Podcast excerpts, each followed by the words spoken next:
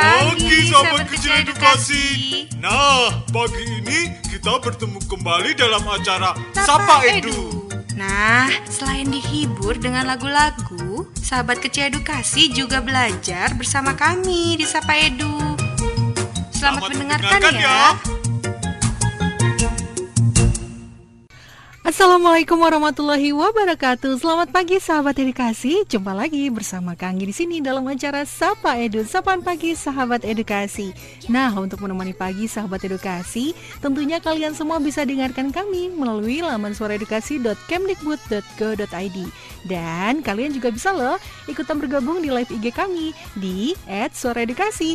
Oke, jangan lupa ya, jangan ke mana-mana juga dan tentunya setelah yang satu ini Kanggi akan segera kembali. Kembali bersama Kanggi di sini dalam acara Sapa Edu. Bagaimana kabar kalian pagi ini adik-adik? Mudah-mudahan kalian semua sehat selalu ya. Dan yang pasti jangan lupa jaga kesehatan, terus jaga kebersihan tubuh serta lingkungan. Oh ya, bicara tentang kesehatan tentu berkaitan dengan yang namanya eh, kebersihan ya adik-adik ya. Cara yang paling sederhana untuk menjaga kesehatan adalah dengan rajin mencuci tangan. Jangan lupa gunakan masker jika berpergian dan tentunya tetap jaga jarak ya. Dan tema Sapa Edu pagi ini juga akan membahas tentang menjaga kesehatan anak di tengah pandemi COVID-19. Setelah yang satu ini tentunya sahabat edukasi eh, Kanggi akan segera kembali dan kita juga akan berbincang-bincang dengan dokter spesialis anak yaitu ada dokter Nunki nantinya. Dan untuk kalian yang mau ikutan bergabung bisa langsung WhatsApp aja ke nomor 081325261440. Dan jangan lupa dengarkan kami terus melalui laman suaraedukasi.kemdikbud.go.id. Dan kalian juga bisa ikutan bergabung di live IG kami di @suaraedukasi. Jangan lupa ya, sahabat kecil edukasi semua. Kembali bersama Kanggi di sini dalam acara Sapa Edu. Ayo adik-adik semua, sudah bangun tidur belum nih? Wah, pastinya sudah dong Kanggi. Semuanya sudah bangun, sudah sarapan ya. Terus sudah mulai buka buku-buku lagi untuk dibaca-baca dan siap belajar lewat online ya bersama Bapak dan Ibu guru. Nah, sahabat kecil edukasi dan juga Bunda di rumah, ngomong-ngomong tentang memiliki kesehatan yang prima di tengah masa pandemi COVID-19 ini adalah langkah penting ya untuk menjaga imunitas tubuh kita juga. Karena itu, Bunda juga perlu mengetahui bagaimana nih tips menjaga kesehatan anak yang bisa Bunda lakukan di tengah pandemi seperti sekarang ini. Nah, walaupun kita sudah memasuki era new normal, tetap ya kita harus waspada. Jadi ada beberapa perkantoran juga nih yang sudah mulai buka, karyawannya juga sudah mulai masuk kerja kembali. Dengan begitu, eh, perkantoran juga harus terapkan protokol kesehatan COVID-19 dengan menyediakan tempat untuk mencuci tangan misalnya, terus juga memeriksakan suhu tubuh seluruh karyawannya yang masuk ke dalam kantor gitu ya, dan juga karyawan tentunya wajib menggunakan masker. Nah ini semua salah satu bentuk untuk mencegah penyebaran virus COVID-19. Kemudian apa yang bisa kita lakukan gitu ya, terutama bunda-bunda di rumah nih, agar seluruh anggota keluarganya tetap terjaga kesehatannya gitu ya, agar tidak mudah tertular virus COVID-19. Gimana sih caranya? Nah setelah berikut tentunya Sapa Edu akan segera kembali dengan tips kesehatan keluarga agar tidak mudah tertular berbagai virus ya Bunda ya, terutama virus COVID-19 ini. Nah, biar tambah semangat juga, biar tambah seru juga, tentunya Bunda juga bisa ikutan bergabung dalam acara Sapa Edu dan bisa langsung WhatsApp kami ke nomor 081325261440.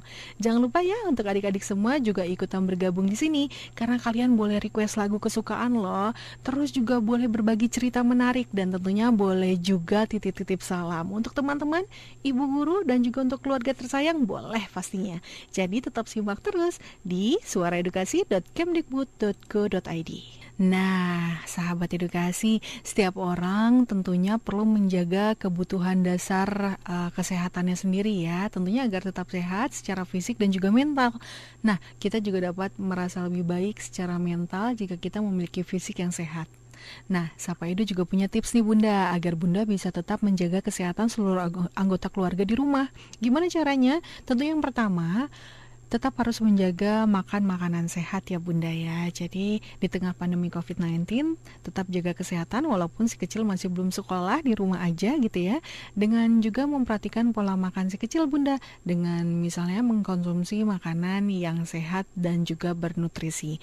Tentunya Bunda bisa menerapkan pola makan sehat yang kaya serat misalnya seperti biji-bijian utuh, seperti kacang hijau, misalnya buah-buahan, sayur-sayuran segar, atau mungkin bisa juga ditambah lauk pauknya uh, dan itu juga bisa dikreasikan masakan gitu ya di rumah atau buatnya sama-sama si kecil di rumah itu lebih mengasyikan. Nah selain itu tentunya kurangi atau batasi makanan manis nih bunda, misalnya seperti permen gitu ya dan juga minuman-minuman manis.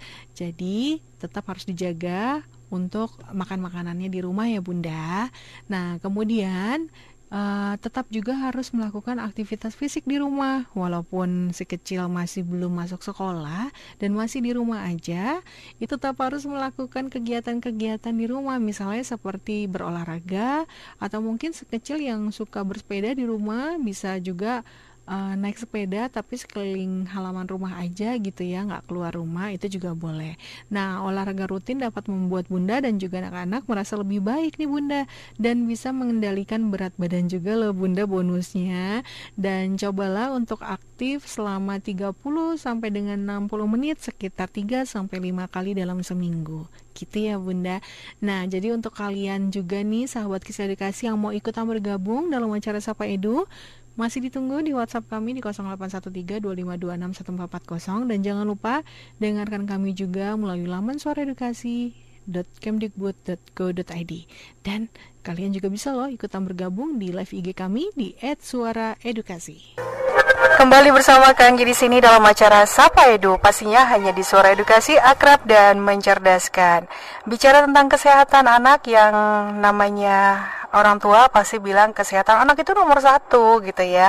Hal itu uh, yang umumnya pada yang ada gitu ya di pikiran orang tua tentunya. Nah, masalahnya menjaga kesehatan itu agar si kecil tetap sehat, terus keluarga juga semuanya aman gitu ya, nggak semudah membalikan telapak tangan nih sahabat edukasi.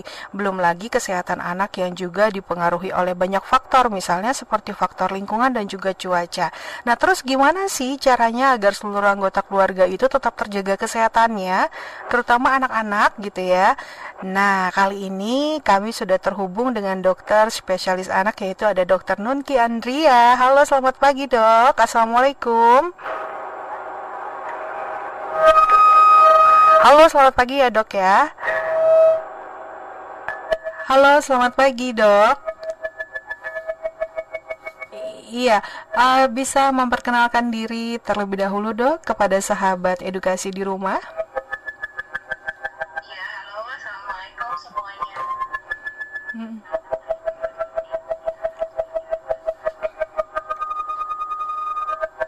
Iya dok, uh, ini kita bisa langsung ke pertanyaan mengenai tema kita pada pagi ini menjaga kesehatan anak uh, di tengah pandemi COVID-19. Kenapa anak-anak? Ya karena memang anak-anak belum bisa menjaga dan merawat dirinya sendiri ya dok ya. Iya, dan di tengah mewabahnya virus corona ini, tentu semua orang tua waspada dengan kesehatan anak-anaknya. Nah, menurut dokter nih, langkah apa sih dok yang sebaiknya para orang tua lakukan demi menjaga buah hatinya agar tetap terjaga kesehatannya dok? Baik, terima kasih Anggi. Iya.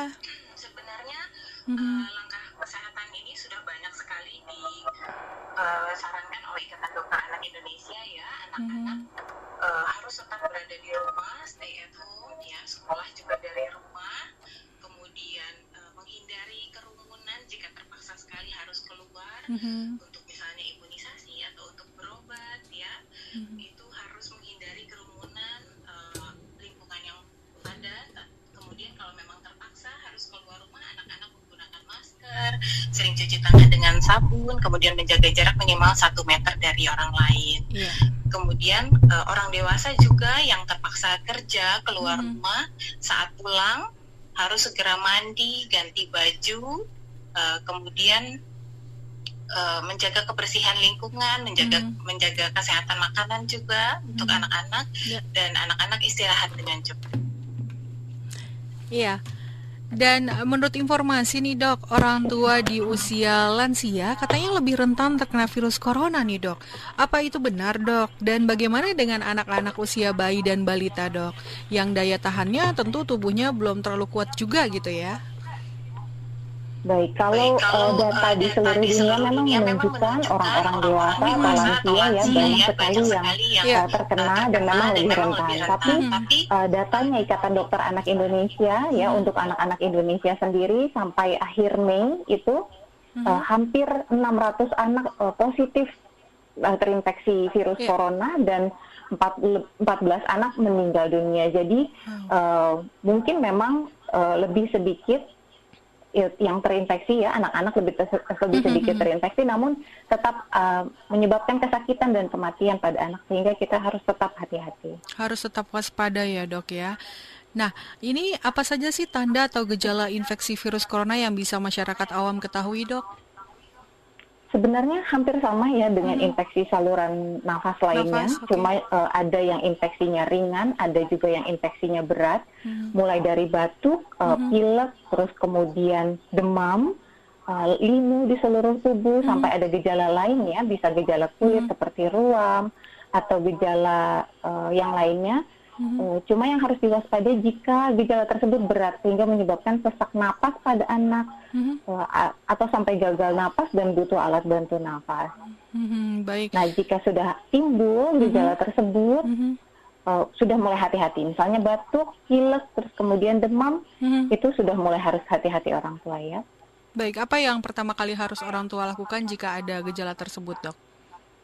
Baik, kalau gejalanya hmm. ringan, misalnya yeah. hanya batuk, pilek, sama demam saja, hmm. observasi dulu sendiri di rumah masih bisa, misalnya anaknya masih ceria, masih hmm. mau makan, masih bisa istirahat ya, hmm. uh, gejalanya masih ringan saja, sebaiknya uh, boleh diobservasi dulu paling tidak sampai tiga hari di rumah, tidak yeah. perlu buru-buru dibawa ke fasilitas kesehatan hmm. setempat. Namun jika sudah tiga hari, terus hmm. gejalanya belum ada perbaikan, anak juga kelihatan uh, semakin lemah misalnya, mm-hmm. itu harus segera dibawa ke fasilitas kesehatan terdekat untuk diperiksa oleh dokter. Baik. Nah, bisakah virus corona terdeteksi dari orang-orang yang tidak menunjukkan gejala, Dok? Seperti informasi yang saya dapat juga nih, Dok, gejala pada lambung ini baru-baru ditemukan pada pasien di Indonesia ya, Dok? Bagaimana? Boleh diulang, Mbak? Iya, jadi bisa nggak sih virus corona ini terdeteksi dari orang-orang yang tidak menunjukkan gejala? Jadi seperti informasi juga yang saya dapat, baru-baru ini tuh ada uh, gejala pada lambung yang ditemukan pada pasien di Indonesia, dok. Oh, baik. Uh, bisa saja sebenarnya kalau yang menularkan itu jelas-jelas yang batuk, pilek mm -hmm. ya, kemudian mm -hmm. dia bersin mm -hmm. uh, dan percikan-percikannya itu uh, mengenai orang di sekitarnya atau mengenai alat-alat atau benda-benda seperti pegangan pintu, meja, kursi hmm. dan lain-lain. Terus uh, orang lain yang sehat menyentuh, terus kemudian tersebut, uh, ya. memegang matanya, hidung, hmm. terus juga menghirup akhirnya uh, virus itu masuk ke dalam tubuh dan menyebabkan sakit. Orang hmm. yang tidak menunjukkan gejala yeah. juga uh, bisa menularkan ya. Hmm. Uh, ada bukti bahwa mereka bisa menularkan. Kemudian uh, gejala lambung juga uh, dilaporkan ya. Hmm. Cuma uh, sampai saat ini kalau dari WHO uh, eh, semuanya masih berkembang bisa ada gejala kulit, ada gejala pada hmm. mata, pada uh, jadi konjungtivitis, matanya merah, terus kemudian gejala gangguan cerna juga semuanya masih masih berkembang karena merupakan virus yang baru, jadi hmm. uh, banyak sekali yang ditemukan ya hal-hal baru hmm. yang ditemukan. Oke, apa yang perlu uh, dilakukan bila anggota keluarga kita menunjukkan gejala-gejala tersebut nih dok? Misalnya seperti Baik. yang terbaru adalah kan uh, bisa ruam kulit gitu ya atau gejala lambung tadi. Kalau batuk dan pilek kan semua sudah tahu gitu ya gejalanya. Kalau yang gejala-gejala baru ini apa yang harus kita lakukan dok? Baik, kalau memang curiga itu hmm. merupakan manifestasi dari coronavirus ya, hmm. misalnya habis dari bepergian dari tempat yang uh, memang terkonfirmasi red zone gitu, terus hmm. kemudian lingkungan yang padat penduduk hmm. atau uh, habis berdesak-desakan bisa di angkutan umum atau hmm. di uh, tempat lain gitu ya. Terus curiga bahwa itu suatu uh, infeksi virus corona. Kalau ada anggota keluarga kita yang uh, menunjukkan gejala tapi ringan dan dia masih bisa aktivitas sendiri, makan, kemudian tidur, masih aktif gitu ya, masih segar, boleh isolasi mandiri di rumah, terpisah dari orang lain hmm. yang uh, juga tinggal serumah dengan dia. Kalau bisa orang tersebut yang menunjukkan gejala uh, di kamar saja yang kalau bisa kamarnya ada kamar mandi di dalamnya terus mm -hmm. ventilasi udaranya cukup di dalamnya sehingga sinar matahari udara segar juga bisa masuk ke dalam mm -hmm. kamar kemudian dia tidak perlu keluar kamar karena ada kamar mandi di dalam jadi dia beraktivitas uh, sendiri di situ ya kalau bisa mm -hmm. isolasi 14 hari namun kalau menunjukkan perburukan segera ke rumah sakit. Iya, jadi harus ada kesadaran dari sendiri diri sendiri ya dok ya. Kita harus karantina nih kalau misalnya kita ada gejala-gejala tersebut gitu ya. Karena ya, kalau betul. sayang keluarga, sayang teman-teman, sayang juga sama lingkungan sekitar ya harus sadar sendiri ya dok ya. Iya betul. Iya, uh, tapi seperti kita ketahui nih dok, mau di per, uh, diberlakukan PSBB atau apa pun itu namanya, orang-orang tetap nakal nih kayaknya dok ya. Jadi bisa dong dok dijelaskan sedikit bahaya virus corona sendiri itu seperti apa gitu untuk orang-orang yang tidak uh, mengikuti peraturan-peraturan yang sudah ditetapkan pemerintah dok? Baik, uh, sebenarnya ya PSBB dan lain-lainnya hmm. pembatasan uh, aktivitas di luar, kemudian kerumunan dan lain-lain itu uh, semua orang harus terlibat ya. Hmm. Di sini tenaga kesehatan kita tahu sendiri sudah uh, berjuang mati-matian untuk uh, memperbaiki bu, uh, bukan memperbaiki keadaan orang-orang yang sakit sudah dirawat oleh tenaga mm -hmm. kesehatan uh, kalau bisa masyarakat semuanya bekerja sama untuk uh, menjaga kesehatannya mematuhi uh, saran yang telah diberikan oleh uh, dinas kesehatan mm -hmm. kemudian uh, yang bisa uh, dilakukan oleh masyarakat adalah -hmm. tetap jaga jarak ya cuci tangan mm -hmm. kemudian uh, pakai masker kalau keluar rumah cuci tangan yeah. harus dengan sabun kemudian hmm. hindari kerumunan ya apalagi kalau nggak perlu banget nggak usah keluar dan yeah. menjarangkan uh, aktivitas di luar misalnya uh, ibu-ibu yang harus terpaksa belanja hanya seminggu sekali atau dua hmm. minggu sekali pergi keluar rumah sehingga hmm. uh, kontak dengan uh,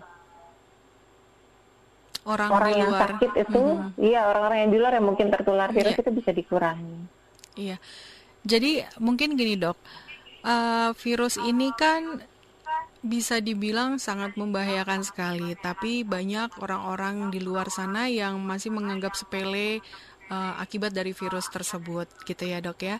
Nah, sebagai dokter spesialis anak, mungkin adakah saran terbaik untuk bunda-bunda di rumah gitu, agar anak-anaknya tetap terjaga kesehatannya dan juga bunda bisa mematuhi peraturan-peraturan yang sudah ditetapkan pemerintah gitu dok? Iya Hmm. Uh, sarannya untuk bunda-bunda di rumah ya hmm. untuk uh, mematuhi uh, saran dari pemerintah maupun hmm. dari dinas kesehatan itu uh, kita uh, orang tua hmm. di rumah ya uh, harus menjaga kebersihan, kemudian kesehatan anak-anak, kemudian anak-anak dilatih untuk cuci tangan, terus untuk uh, pakai masker bila keluar rumah, menjaga jarak dengan orang lain. Orang tua juga seperti itu sama e, melakukan etika batuk dan bersin yang benar sehingga kalau ada e, virus hmm. atau e, ada droplet yang keluar dari badan kita itu bisa ditahan dengan etika batuk yang benar misalnya hmm. dengan menutup dengan siku seperti ini saat batuk dan bersin kemudian hmm. pakai tisu saat batuk atau bersin untuk menutup hidung dan mulut uh, karena virusnya pada anak hmm. walaupun sering sekali dibilang ringan saja tidak akan menunjukkan gejala yang berat itu salah karena angka hmm. kematiannya hmm. juga ada ya yeah. data dari IDAI menunjukkan hampir 600 orang anak sampai akhir Mei yang lalu itu meninggal dunia hmm. uh, akibat COVID-19. Jadi hati-hati sekali ya orang tua. Iya, baik dok, terima kasih atas waktunya. Mudah-mudahan perbincangan kita pada hari ini dapat bermanfaat ya untuk sahabat edukasi di mana pun berada, terutama untuk saya pribadi nih dok, karena saya kebetulan punya anak juga di rumah. Jadi mudah-mudahan bunda-bunda di rumah juga bisa uh, apa mematuhi gitu ya dok peraturan yang sudah ditetapkan pemerintah. Salah satunya ya kalau nggak perlu-perlu banget nggak usah keluar. Terus jangan lupa pakai masker kalau berpergian. Terus juga terapkan uh, cuci tangan, rajin cuci tangan gitu ya dok ya. Anak-anak juga harus diberi pelajaran seperti itu gitu ya dok ya kurang lebihnya. Dan terima kasih dok untuk waktunya sekali lagi. Salam untuk keluarga di rumah ya dok. Ya terima kasih Kak ya. Baik, wassalamualaikum dokter.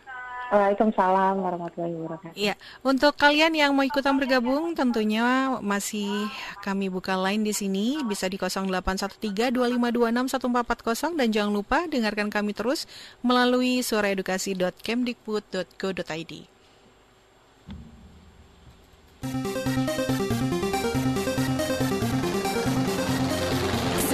edukasi yang akrab dan mencerdaskan.